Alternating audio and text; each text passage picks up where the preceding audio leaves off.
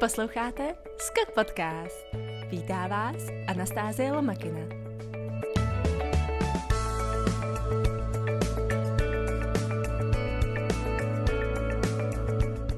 Ahoj všichni, vítám vás u dalšího Skok Podcastu a mým dnešním hostem je Zdeněk Dušek z EY. Ahoj. Ahoj Sásko, ahoj, díky za pozvání. My děkujeme, že jsi přišel. A já bych tě chtěla poprosit na začátek, abychom se všichni seznámili, že by se s nám krátce představil. Určitě rád. A, takže ještě jednou, moje jméno je Zdeněk Dušek a já jsem eh, senior manažerem v EY, v týmu, který se jmenuje Performance Improvement, s tím, že moje hlavní zaměření v současné době je rozvíjet consulting business v automotive odvětví. Mm. Já když tady slyším EY, tak se mi hnedka vybaví audit, což je asi takové už pro tebe kliše otázka, ale z toho, co říkáš, tak to určitě není jenom audit, co, dělá EY.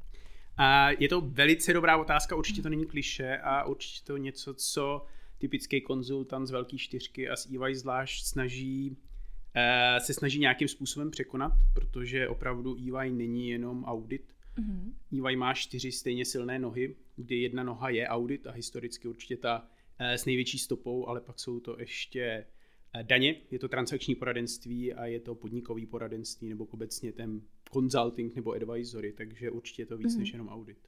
A to tvoje oddělení to spadá pod consulting? Nebo? Uh, moje oddělení spadá pod consulting. Mm. Uh, můj šéf je shodou okolností šéfem celého consultingu, takže mm. já jsem z jedna z těch podnoh toho, toho consultingu v rámci EY. Aha, tak už, už mi to všechno začíná dávat smysl. A proč jsi měl EY? Proč jsi vybral EY? To je velice dobrá otázka. Nečekal jsem ji. Dneska máme samý dobré otázky. to jsem rád, to jsem rád. Já doufám, že budou i dobré odpovědi. A ta moje cesta do EY, anebo cesta z EY se datuje od roku 2009. A ten příběh je takový, eh, řekněme, lehce tragikomický. Eh, já jsem byl na Erasmu v Amsterdamu a eh, na svých pravidelných cestách mezi letištěm a centrem Amsterdamu jsem eh, viděl jednu firmu, která měla v logu Ernst Young a, a říkal jsem si, ta firma mi přijde docela cool, líbila se mi vlastně se mi líbila hlavně ta budova a líbilo se mi to prostředí a, a přišlo mi to, že by to mohlo být pro mě něco zajímavého, na co bych se mohl podívat, když jsem se vrátil zpátky do Čech. To znamená, vlastně chci tím říct, že předtím, než jsem zjistil, že existuje něco Ernst Young, tak jsem nevěděl, co to je velká čtyřka, eh, nevěděl jsem, co to je consulting, ale každopádně vrátil jsem se zpátky z Amsterdamu do Čech a ještě vlastně v rámci eh, toho nejlepšího šestého ročníku na vysoké škole jsem se eh, přihlásil do Ernst Young. Zjistil jsem, že mm-hmm. Ernst Young existuje i v České republice. Zjistil jsem, že shodou okolností zrovna má vypsané výběrové řízení na místo, které mě imponovalo a No a jsem vlastně tady už jedenáctým rokem, takže mm. tohle je nějaká moje cesta s EY. Mm. To je pravda, na to jsem chtěla navázat. Když jsem stalkovala tvůj LinkedIn, tak uh, vlastně tam máš napsáno, že už 10 let a celých 6 měsíců jsi součástí EY. Je to pravda. Proč tak dlouho? Nebo uh, proč tak krátko spíš? Proč tak krátko? Jsem mladý furt ještě, že jsou náměřítka? No ne, to, to určitě ne, tak proč tak dlouho? Já já si vlastně myslím, že jsem si s konzultingem sednul, že ten typ práce, ať jsem to předtím netušil a určitě jsem šel do obrovského neznáma, tak vlastně jsem zjistil, že to je něco, co mě láká, láká mě to lidsky, láká mě to mentálně. Uh, myslím si, že jsem v konzultingu našel plno inspirativních lidí, který vlastně mě stále nutí, abych v té firmě byl lepší a lepší. Mm-hmm. A prostě se tam cítím dobře. Je to pro mě, je to pro mě místo, kde neříkám, že se stále směju a tleskám rukama, ale stále je to prostě místo, kde mi dává smysl rozvíjet svou osobnost a, a dělat nějaký eh, mimo eh, osobního života, nějaký, jak já říkám, biznis. Mm, to zní super. No a ty jsi zmiňoval to výběrové řízení. Mm, tak jak vypadá takový typický výběrový řízení do EY? Třeba pro studenta nebo já, absolventa. Já zkusím eh, říct, jak to myslím, že to v současné době funguje, protože je pravda, že od roku 2009 se to určitě hodně posunulo. Mm-hmm. A myslím, že se to posunulo k lepšímu, aniž bych chtěl dělat uh, reklamu našim skvělým holkám z HR. Já myslím, že ta správná cesta s EY začíná na našich webových stránkách, které se jmenují Cesta s EY, mm-hmm. kde vlastně kdokoliv, kdo má ať už aktivní nebo pasivní zájem, si může vyhledat, co zrovna za volné pozice máme. A nebo možná si jenom přečíst vlastně o EY, protože já si umím představit, že to není vždycky jenom o poptávce, když člověk má žádat o práci, ale může to být jenom o tom, že prostě absolvent, anebo člověk, který je těsně před, splň, spli, uh, před splněním nějaký studijní povinnosti, tak prostě řekne, hele, firma se mi líbí, přijde mi, že je zajímavá, chtěl bych, aby o mě firma věděla. To znamená, ten první krok je vždycky určitě podívat se k nám na stránky, sepsat CV a pro mě je vždycky ideálně sepsat i nějaký jako motivační dopis. A neříkám to teď nějak, že to má být úplně totálně formální, ale spíš myslím si, že minimálně já ze svého pohledu mám vždycky rád, když vlastně vím, proč si ten člověk zrovna vybral EY a nevybral si jinou firmu. Mm-hmm. To znamená poslat CV, poslat motivační dopis, počkat, až se ozvou naše HRistky a domluví si s tím člověkem další kroky. Uh, ten druhý krok, který vždycky následuje potom, když zrovna se jedná o nějaké konkrétní místo, to znamená nabídka se sl- uh, slaďuje s poptávkou, tak uh, vždycky jde člověk na testy. Mm-hmm. Ty testy jsou různého charakteru a je to vždycky o tom, že se snažíme toho člověka vlastně poznat z různých jeho Eh, řekněme, mentálních perspektiv. To znamená, díváme se na to, jak mu to myslí logicky, díváme se na to, jak mu to myslí numericky, mm-hmm. díváme se na to, jak umí uh, přemýšlet a vyjadřovat svoje uh, pocity v angličtině. A vlastně tohle všechno dohromady by mělo, dej, by mělo dát nějakou mixáž toho, jestli člověk je už v tom stavu, že Eh, dává smysl, aby se do EY hlásil, to znamená prošel tím prvním sítem, anebo jestli ještě prostě nějaký čas mu v některé z těch jako perspektiv znalostí chybí. Mm. Pokud úspěšně projde touhle druhou částí, tak pak následuje část pohovorů, kdy u nás pohovory jsou, doufám, že to řeknu správně, čtyřkolové. To znamená, vždycky se člověk vidí u nás s někým z HR, které vlastně mu představí, jak to u nás funguje a řekne mu takové ty základní parametry, do kterých tolik biznis často nevidí, ale prostě HR je samozřejmě to nejpovolanější, aby mu řeklo, eh, co a jak u nás, eh, o čem je ta práce, jak to vlastně u nás funguje. A potom následují dva až tři pohovory s lidmi z konkrétního týmu, do kterého se ten člověk hlásí. To znamená v mém příkladě třeba, pokud by si někdo hlásil do Automotive, což samozřejmě uvítám, uh, tak, tak vždycky je to pohovor s eh, jedním z mých senior konzultantů, kdy je to vlastně eh, on nebo ona, který má zkušenost, nebo která má zkušenost zhruba 3 až 5 let u nás ve firmě, dělá v tom týmu a ví vlastně z takového toho Eh, on je vlastně ta frontline, on je ten, kdo opravdu stojí, eh, stojí na poli a, a bojuje za tu firmu a vlastně podívá se na toho člověka a pobaví se s tím člověkem vlastně zase z jeho pohledu, to znamená zkusí si představit, jestli by to, eh, jestli by to fitovalo do toho, aby ten zájemce k nám nastoupil. Potom to druhé kolo je buď s mým manažerem, anebo je to přímo se mnou, kdy vlastně já zase do toho dávám nějaké svoje soucno, protože i já samozřejmě mám nějakou mm, optiku na každého člověka. Ne, že bych vždycky hledal svoje druhé já, že jo, protože to samozřejmě by bylo k nevědržení v tom týmu, ale, ale spíš se samozřejmě snažím podle toho, co zrovna potřebuju, nebo co si myslím, že ta firma potřebuje, nebo ten můj tým, tak se snažím prostě najít nějaký eh, rozumný balans, jestli ten člověk zrovna tohle buď hledá, anebo nabízí.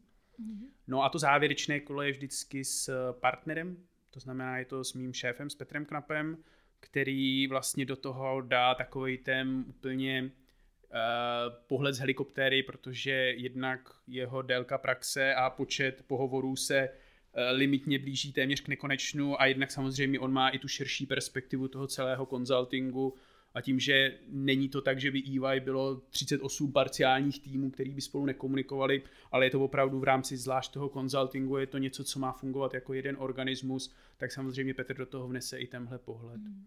No a pokud se líbí i Petrovi a všichni se na tom shodneme, tak pak už nic nebrání k tomu, aby jsme eh, podepsali se zájemcem smlouvu a teda můžeme pracovat. No ale musím přiznat, že to nezní jako ta krátká cesta. Jak dlouho to většinou trvá, takovýhle jeden uh, pohovor, nebo takový jeden náběr? Uh, my víme, jak je doba rychlá a jak lidi nejsou ochotní čekat. To je pravda. A extrémně pracujeme na tom, aby jsme tenhle uh, moloch, možná, který takhle vypadá. Je pravda, že jsem o tom mluvil možná díl, než reálně to trvá, ale, ale my se snažíme, aby tohle všechno jsme byli schopni udělat do období dvou až tří týdnů. Mm-hmm. A myslím si, že se nám to určitě ve větším počtu případů daří. To znamená, není to tak, že by to bylo na tři měsíce a, a člověk by pak byl prostě netrpělivý, jestli se mu někdo ozve, neozve a musel si sám volat. Myslím si, že ten proces máme poměrně hezky naučený a jsme schopni opravdu do 14 dnů, nejpozději do 3 týdnů vlastně tohle všechno udělat a tomu člověku říct jo nebo ne. Mm-hmm. Ty jsi zmiňoval ještě, že jakoby v každé fázi toho pohovoru se hledí na to, co teďka jakoby momentálně tomu týmu chybí. A, takže by se jako nedalo říct, že člověk s EY musí být takovou a takovou vlastnost. Nebo něco, co jakoby spojuje všechny lidi s EY. Já si myslím, že to Možná ne všechny, a teď opravdu podle mě já vlastně jsem schopný mluvit asi za ten consulting, protože je pravda, mm-hmm. že nějaký skill set nebo kompetenční set auditora a daňaře je trošičku jiný, než je toho člověka, kterýho já potkávám na denní bázi v rámci hmm. A třeba u tebe v? A myslím si, děkuji za nahrávku, ne, myslím si, že tam je určitě nějaká jsou tam určitě nějaké očekávání ze strany EY, které si myslím, že jsou standardizované. To znamená, hmm.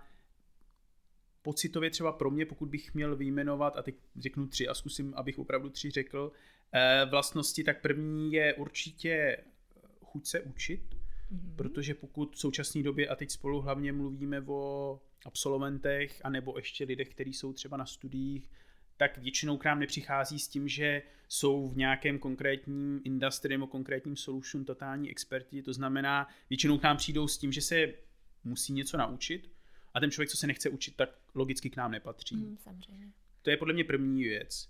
Druhá věc, a teď zkusím zase, a věřím, že to je stejný i pro ostatní kolegy, a druhá věc, která je pro mě extrémně důležitá, je ochota a schopnost člověka převzít, a já to teď neumím říct česky, já se za to omlouvám, ale uh, převzít ten ownership. To znamená, pro mě je vlastně strašně důležitý, když někdo přijde a vlastně to, co dělá, tak dělá s tím, jako by to bylo jeho. A dává vlastně do toho všechno, protože ono je to ohromně poznat, jestli člověk přijde a vlastně stále počítá, že má nad sebou dalších 10 hlav a vedle sebou 30 rukou a vlastně dává tomu půlku plynu, anebo jestli někdo přijde a opravdu od začátku vlastně bere tu svoji práci, jakože to je něco, co opravdu myslí vážně a pro mě to, když to někdo myslí vážně, je vlastně strašně důležitý. Takže nějaká zodpovědnost. Takže je to nějaká zodpovědnost, je to vůbec nějaký jakoby přístup k té práci. Mm-hmm. A podle mě třetí vlastnost, a s chodou okolností jsem schopný opravdu říct i tři teda, třetí vlastnost je vlastně schopnost víc s lidma.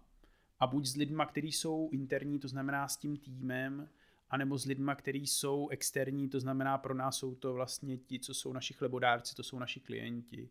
A samozřejmě nějaká jakoby schopnost toho vycházet s ostatníma je pro nás základní předpoklad, protože eh, těch dnů, kdy trávíme někde zavřený a nevidíme živáčka, je tak strašně málo během roku, že prostě někdo, když je vybavený tím, že umí s lidma vycházet, tak je to pro nás důležitý. A teďka bych chtěla trochu odbočit od tématu. Rozmohl, rozmohl se nám takový, tady takový nešvar, nešvar že když se řekne velká čtyřka, tak uh, hodně ze studentů si představí velký korporát. Souhlasíš s tímto tvrzením? Je EY taky korporát? Já vlastně slovo korporát automaticky beru jako něco, co má lehký negativní, na, uh, negativní podtext. Pro mě vlastně neexistuje téměř diskuze, když by někdo zmínil korporát a myslel něco pozitivního. To znamená, já vlastně jako automaticky mi spíš nabíhá jako stop. Mm-hmm. Ne, nejsme korporát, protože vlastně nechci, aby to znělo, uh, aby to znělo s nějakým tím, s tou negativní konotací. Já si myslím, že jsme velká společnost. Ano. Jsme společnost, která je svázaná, ale naopak jako dobře řízená nějakými pravidly.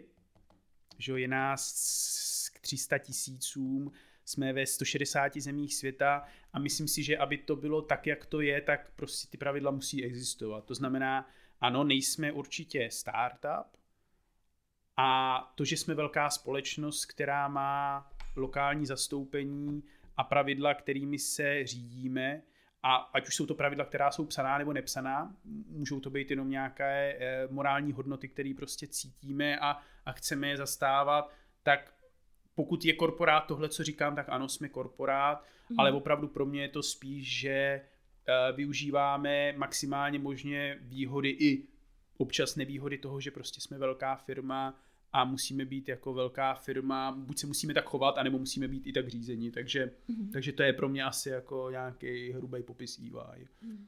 Teď ještě k té předešlé otázce o korporátu. To je ta... Uh, Čímž nejsme, jo, samozřejmě. Co, to jsme se shodli už, ano. Velká společnost. A jak zvládáš nějaký work-life balance? A jestli to ve velké společnosti jako EY vůbec existuje? Já myslím, že to existuje. ne, uh, Nevypadáš jako tak. Ne, vypadám v ospale.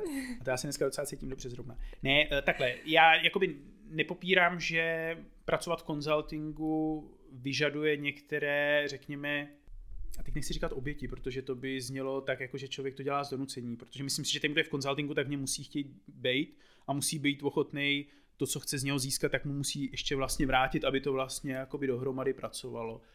Uh, takže pro mě work-life balance určitě existuje. Já třeba cítím, a teď to možná neuslyší uh, vaši posluchači úplně totálně rádi, ale já cítím, že čím člověk je déle ve firmě, tak tím lépe vlastně dokáže ten work-life balance řídit. Myslím si, že vlastně jako nejhorší, co může být, je, že uh, člověk nastoupí s tím, že chce do dvou let být partner, řekne si, tak já si teď totálně vyhecuju, budu tomu dávat 20 hodin denně, že a pak buď po dvou letech prostě, eh, nechci říct, že zemře, ale buď vyhoří, nebo ho to přestane bavit, nebo zjistí, že ta motivace, kterou měl na začátku, tak už teď neplatí. A myslím si, že to prostě není dospělý přístup, ale čím člověk je prostě u nás déle a čím líp to má v hlavě, myslím si, že srovnaný z hlediska toho, co jsou vlastně priority jeho osobní, jeho pracovní a jeho mimo pracovní, tak věřím tomu, že ten work-life balance jde nastavit. A zároveň si myslím, myslím si, že výhoda pro vaše absolventy a vůbec pro studenty je, že ta doba se hodně mění. Mm. A myslím si, že v době, kdy jsem nastoupil já, tak podle mě to byl work, work-life balance a deset let předtím, než já jsem nastoupil, tak to byl jenom work-work balance. Takže já si vlastně myslím, že jakoby v roce 2020 je ta společnost už tak vyspělá a myslím si, že i ta česká společnost je tak vyspělá, že vlastně ten work-life balance bere jako něco, co není k diskuzi, ale co prostě musí být a je jenom vždycky otázka toho, jak si to ten zaměstnavatel a zaměstnanec nastaví. A já vlastně nemám pocit, že jsem s tím měl někdy problém.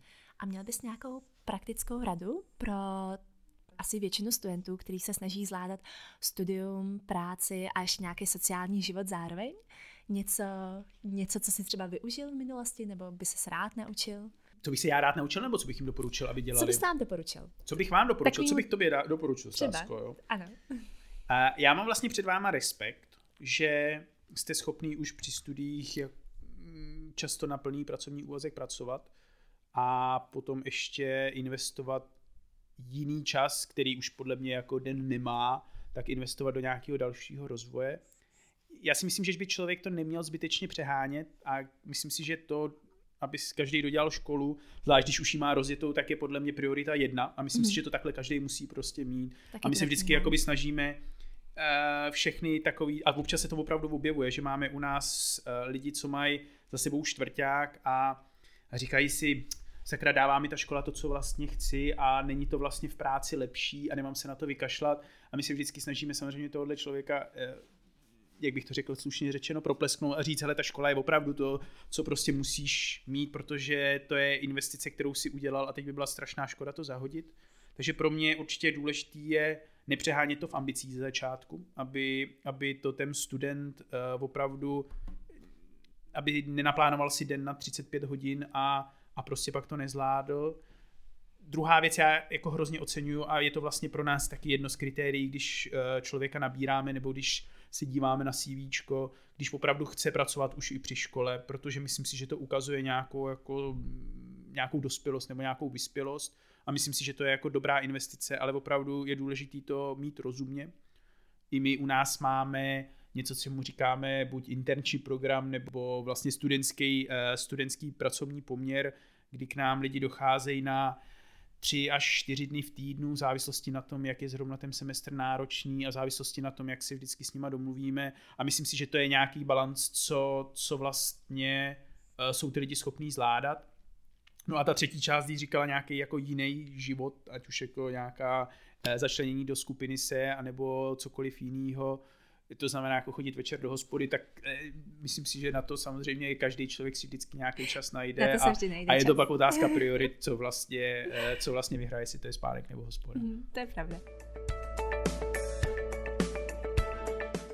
Teď bych se ráda přesunula úplně do jiných sfér. A to na, a do automobilního průmyslu. Já bych se tě chtěla zeptat, jaký jsou teďka ty trendy v automobilovém průmyslu? Protože já jako uh, za A neřidič, uh, ani někdy, kdo si neplánuje udělat řidičák, se v tom vůbec nevyzná. Tak jestli bys mě nějak krátce zasvětil, co se teďka děje v tom průmyslu nejvíc? Hrozně rád, ale zároveň bych se zeptal, proč si nechceš udělat řidičák, Sásko, to by mě zajímalo. To je hrozně dobrá otázka, děkuji, že jsi mi ji položil. No, já ti to, jak bych to řekla, uh, já jsem to prošvihla v těch 18, nějak jsem na to neměla čas a pak už jsem se k tomu nedostala a říkám si každý léto, že tak, teď, teď tohle léto si ho udělám. Pak někam odjedu a vrátím se a už zase nic, že jo? Tak si to zase odložím na další léto. Tak uvidíme, jestli v létě 2020 se mi to konečně podaří. Budu držet palce. Děkuji. Ale každopádně, a jsem samozřejmě to je takový hezký uh, oslý můstek do toho, o čem chci mluvit. Mhm. Jsou i jiné možnosti, než jenom řídit auto, když se chceš někam přepravovat z bodu A do bodu B. Samozřejmě. Což je i takový ten jeden z hezkých trendů, že jo? A i náš tým se vlastně nejmenuje Automotive Team, ale ten náš tým se jmenuje Automotive and Mobility Team. Mhm. A vlastně ta složka té mobility je přesně pro, myslím si, že ty jsi takový ten jako typický zástupce uh, nové nastupující generace, která vlastně není závislá na tom auto řídit, auto vlastnit, ale je samozřejmě hledá potřebu, jak se, jak se, jak se přemístěvat a využívá na to prostě jiný přes prostředky, ať už, ať už s někým nazdílí jízdu a někam se doveze, nebo využije kombinaci hromadné dopravy a nějakého soukromého poskytovatele. Mm. A vlastně i ta, jakoby, ta mobilita vlastně v praxi znamená pro uh, lajka, když bych to měl zkusit vysvětlit, že to je alternativní způsob přepravy, který je založený nejen na tom, že se pohybuju ve vlastním autě a, a za volantem jako řidič, ale že můžu využívat i další možnosti, jak vlastně tu svoji mobilitu uspokojit. A podle mě tohle je jeden určitě z klíčových trendů, který v současné době to odvětví uh, ovlivňují, který i my vnímáme jako konzultanti, že, uh, že se vyplatí s našimi klienty řešit a který má pro nás obrovský potenciál z hlediska toho, jaký hráči vstupují, jaký hráči vstupují do, do toho klasického automotiv odvětví a hlavně jak ti noví hráči vlastně jsou to eh, relativně konzervativní odvětví schopný rozhýbat, protože mm. Vždycky, když někdo přijde s novým nápadem a novou, s novou myšlenkou, tak vlastně to původní odvětví se začne hrozně rychle točit a, a samozřejmě ty tradiční hráči mají nějakou tendenci na to reagovat. Mm. Takže podle mě mobilita, určitě důležitá věc. Určitě důležitá věc, o který jsi taky slyšela, je, že v rámci zelených aktivit vůči automotiv, automotiv odvětví jsou, řekněme, definované poměrně přísné limity a je definovaná regulace, jakým způsobem vlastně má každá automobilka, která vyrábí auta, tak jakým způsobem má vlastně ten mix aut realizovat vzhledem k tomu, jak jsou hodně emisně mm. přátelské anebo nepřátelské. A, a díky vlastně tý, téhle regulaci, která je opravdu pro to odvětví klíčová, myslím si, že přináší po řadě let opravdu zase impuls a, a myslím si, že se velmi ukáže a oddělí se zrno od plev, tak díky téhle regulaci vlastně automobilky musí investovat hodně času, hodně energie a samozřejmě na konci dne hodně peněz do toho, aby vlastně tu regulaci byli schopni nějakým způsobem naplnit a ať už vyvíjí nový typy pohonů, nebo jenom se snaží přeskládat, jakým způsobem a která auta prodávají. A je to poměrně jako vyšší dívčí v tomhle, protože vlastně vyrobit a prodat auta, která jsou CO2, eligible jsou CO2, v pořádku s tím, co říká regulace, mm. je poměrně náročný a všechny ty automobilky s tím nějakým způsobem, nechci říct bojují, ale musí si s tím popasovat jsou automobilky, které jsou na to, myslím si, že v současné době lépe připravené, protože ten rok 2020 je vlastně takový ten první, který ukáže, eh, kdo, kdo, kdo si svůj domácí úkol udělal a kdo si ho udělal o něco hůř a dělal ho těsně eh, při přestávce, anebo těsně, těsně před začátkem hodiny. A myslím si, že tohle bude jako něco, co vlastně to odvětví určitě, eh, co to odvětví určitě posune a uvidíme, až za tři roky bude tvůj nástupce a můj nástupce tady uh, dělat podcast, tak uvidíme, kam se to odvětví mm. vyvine. K tomu mě ta napadá trend elektroaut mm. a z mýho jakoby laického pohledu to vnímám tak, že samozřejmě pro Pražáka nebo pro člověka, který bydlí v Praze, elektroauta jsou asi super, ale zároveň ta elektřina se musí vyrobit když to řeknu tak hodně laicky, někde jinde. Takže vlastně tu emisi si posouváme jenom jakoby do jiných, a do jiných oblastí. Vnímám to správně? Vnímáš to naprosto správně, asi skvělý kandidát do automotiv týmu. ne, ne, samozřejmě říkáš to dobře, ono to je jako, myslím si, že si nikdo nemůže malovat to, že přesně pokud vyrobí energii v uhelných elektrárnách, který eh, nejsou rozhodně eh, CO2 anebo emisema eh, na tom pozitivně, takže vlastně je to jenom, že si přeleju jeden průšvih z jedné kapsy do druhé kapsy. Přesně tak.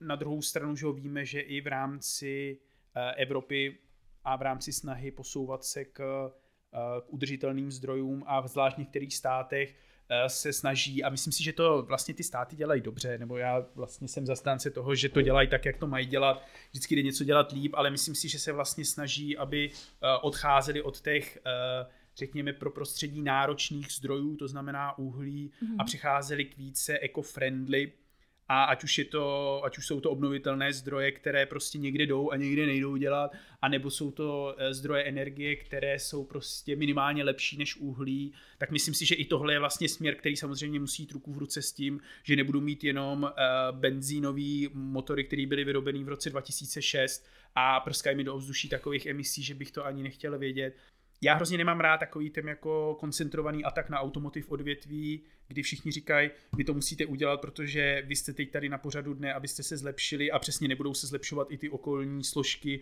výroby energie a distribuce energie a, a vlastně jako dalších vstupů, který to odvětví zásadně uh, ovlivňují a ovlivňují i tu celkovou emisi, kterou potom to odvětví uh, vypouští.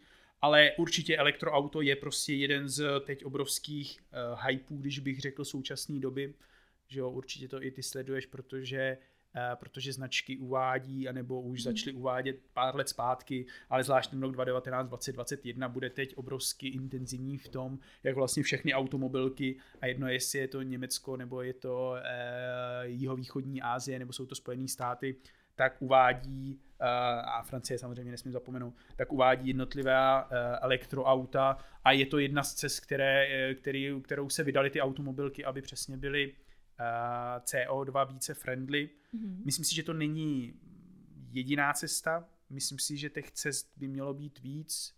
Myslím si, že zaměřit se pouze na elektřinu, respektive pouze na ten, jak se v současné době říká BEV, to znamená ten uh, bateriový uh, elektrický vůz, takže to není, myslím si, že správný. Podle mě je důležitý posouvat i ty klasické spalovací motory do toho stavu, aby vlastně byly efektivnější a spalovaly takové míře uh, splodiny tak, aby vlastně nevypouštěli do ovzduší to, co se, to, co se dělo prostě v předchozích letech, ale věřím tomu, že ty automobilky, když to zvládnou správně namixovat a zvládnou si poradit právě s posunem na těch jednotlivých frontách, anebo nedej bože, anebo bohu dík budou tak uh, progresivní, že budou řešit i nová paliva, jako je vodík, tak Uh, tak myslím si, že myslím si, že to zvládnou dobře. No a mhm. ty, co to nezvládnou, tak tady nebudou. Já bych se tě ještě chtěla zeptat. Potom, co jsem teda zkoumala tvůj LinkedIn, tak uh, jsem zjistila, že jsi vystudovala demografii na Karlovce. Jak se teda stalo, že jsi skončil v EY a ještě uh, k tak vzdálenému uh, odvětví jako automotive uh, industry? Každý správný demograf má prostě rozumět automotiv. Ne, uh, ta, jakoby ta cesta vlastně není podle mě úplně typická a já jsem za ní jako vlastně rád. Ta demografie mi podle mě dala hodně do života. No nic, no, jako když jsem nastupoval, tak myslím si, že jsem byl jediný demograf a od té doby, co jsem nastoupil, jsem stále jediný demograf, co je, co je v EY. Což je škoda, protože samozřejmě demografie je, jak nám bylo vždycky řečeno, že to je věda budoucnosti, protože jak všichni stárnou, tak samozřejmě se stává víc a víc důležitá. Um, myslím si, že určitě EY není pouze o tom, že uh, u nás pracují lidi z ekonomky, čím dál tím víc se nám daří mixovat různé, uh, různé kompetence a různé skily, ať už jsou měkčí anebo tvrdší. A ta demografie jako, já to vlastně beru tak, že demografie mi naučila, jak mám přemýšlet o číslech, jak mám přemýšlet uh, analyticky, protože myslím si, že tohle byl pro mě obrovský důležitý vstup.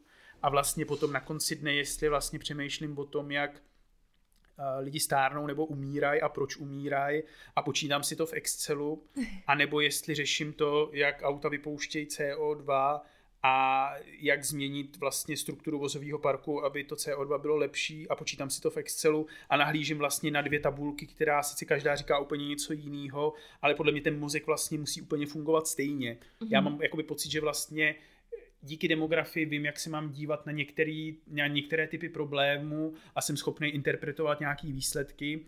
A to, že když jsem nastoupil, tak jsem o autech nevěděl vůbec nic a že jo, ta moje cesta nebyla rovnou, že jsem skočil do aut, protože já, jak říkám, vyvinul jsem se nejdřív z, uh, my tomu říkáme life science, to znamená uh, hodně z kvazi experta na uh, zdravotnictví a farmaci. Potom jsem asi dva roky koketoval s Eh, neobvyklým odvětvím, které se, eh, my ho nazýváme poštovní odvětví, to znamená, byl jsem, eh, byl jsem pošťák a řešil jsem jednu dobu hodně regulaci v poštovnictví a vlastně mě to nějakým způsobem rozvinulo, že jsem se dokonce byl schopný podívat i do ostatních států, protože ta kompetence v České republice z hlediska regulace poštovnictví byla tak vysoká, že jsme jezdili konzultovat do některých zemí i na východ, i na západ, jak by to vlastně mělo fungovat. No a potom poslední kolik, 6, 7, 7 let jsem vlastně téměř výhradně uh, spojený s automotive industry a je to hlavně kvůli tomu, že se potkal můj zájem, zájem firmy a zájem klientů a vlastně všechno to dávalo takový hezký koláč a a vlastně myslím si, že už z toho odvětví neodejdu. Mm. Cítím, že, nechci říct, že už jsem tak starý, ale myslím si, že už jsem tak starý, že uh, by pro mě mohlo být Eh, poměrně náročné, abych totálně přeskočil někam jinam. Na druhou stranu myslím si, že to i to automotiv odvětví má plno parametrů, které jsou přenositelné někam jinam a vlastně teď je to jenom o tom zase o těch věcech správně přemýšlet. A tím se vlastně zpátky vracím té demografii, stejně je to jenom o tom, jakým způsobem vlastně si nastavíte tu hlavu, abyste přemýšleli o nějaké eh, problematice a to pak, jestli to doplníte, ať už z knížek nebo z praxe, anebo jenom z toho, že eh, se inspirujete kolegama nějakou hard znalostí, tak už vlastně je to jenom taková ta jako eh, zase ta hezká koláž toho, jak to pak mhm. vlastně dáte. Ne? Takže jestli to chápu správně, tak demografie tě naučila jakoby přemýšlet, ale vlastně pro tebe už je pak jakoby jedno, a jestli se jedná o auta, o poštu, nebo o počet umírajících lidí v České republice. Řekla jsi to naprosto správně. Super. Ano, tak, tak, tak, neřekl bych to. Úplně na závěr bych se tě chtěla zeptat, co by si doporučil? A být o 15 let mladší a sedět tady zpátky ve školních lavicích, třeba nějaký třeťák na vejšce. Co by si případně udělal jinak? A ta první je samozřejmě sedět na VŠE, protože ne, dělám si srandu, já na přírodovědu nemám dopustit já pokud bych se měl vrátit 15 let zpátky a, a říct tomu uh, Zdeňkovi druhýmu, co má dělat líp, tak si myslím, že už bych mu řekl, hele, ve třetíku pokračuj v brigádách, je to super, samozřejmě nějakou kačku si musíš vydělat, protože v létě chceš někam jet a, a přes týden chceš občas se chodit bavit, ale možná mysli o těch uh, brigádách a o těch svých krátkodobých přivídělcích trošku jinak, protože jedna věc je získat peníze a druhá věc je nějakým způsobem už vlastně přemýšlet o tom jako dlouhodobějším pohledu na tu budoucnost. Určitě bych se donutil, ale já jsem jako vlastně to, to, to nějakým způsobem taky zmáknul, ale určitě bych se donutil do víc eh, studijně pracovních příležitostí v zahraničí. Mm-hmm. Mně se ohromně líbilo, když jsem někdy pár let zpátky se potkal s x 20 letými uh, studenty z, ze severských zemí, který mi vysvětlili, že je u nich strašně typický, že buď hned po střední, anebo mezi bakalářem a, a magistrem prostě výjíždí na rok na zkušenou a opravdu jako když Honza jel jako v pohádkách sto let zpátky, jel, jel prostě s pichtlem buchet někam, aby se naučil. Myslím si, že tohle je ohromně důležitý a já vlastně cítím, že lidi, co tohle mají za sebou, ať už teda pracovně nebo studijně, tak se opravdu zase vrací Eh, líp připravený na ten jako skutečný život, skutečný dospělý život, který je v práci. To znamená, určitě bych tomu Zdenkovi říkal, hele, byl si sice pracovat ve státech a studovat na jednom Erasmu, ale jako nejde to ještě líp, nejde to ještě víc. Mm-hmm. No a třetí věc, určitě bych se donutil, abych se naučil víc cizích jazyků, protože myslím si, že díky své eh, téměř nekonečné lenivosti jsem v tomhle trošku, v tomhle trošku ve 20 zaspal a možná ještě předtím, takže myslím si, že ten, kdo v současné době umí dva jazyky, tak je tak je king a ten, kdo umí víc jazyků, tak je prostě super připravený na to, aby ten trh se o něj porval a myslím si, že to je prostě stále strašně důležitý. Já my ti děkujeme za vyčerpávající odpovědi. Hlavně ti děkujeme, že jsi uh, přijal naše pozvání. A tímto bych se chtěla rozloučit s našimi posluchači. Já se taky loučím a děkuji. Tobě děkuji.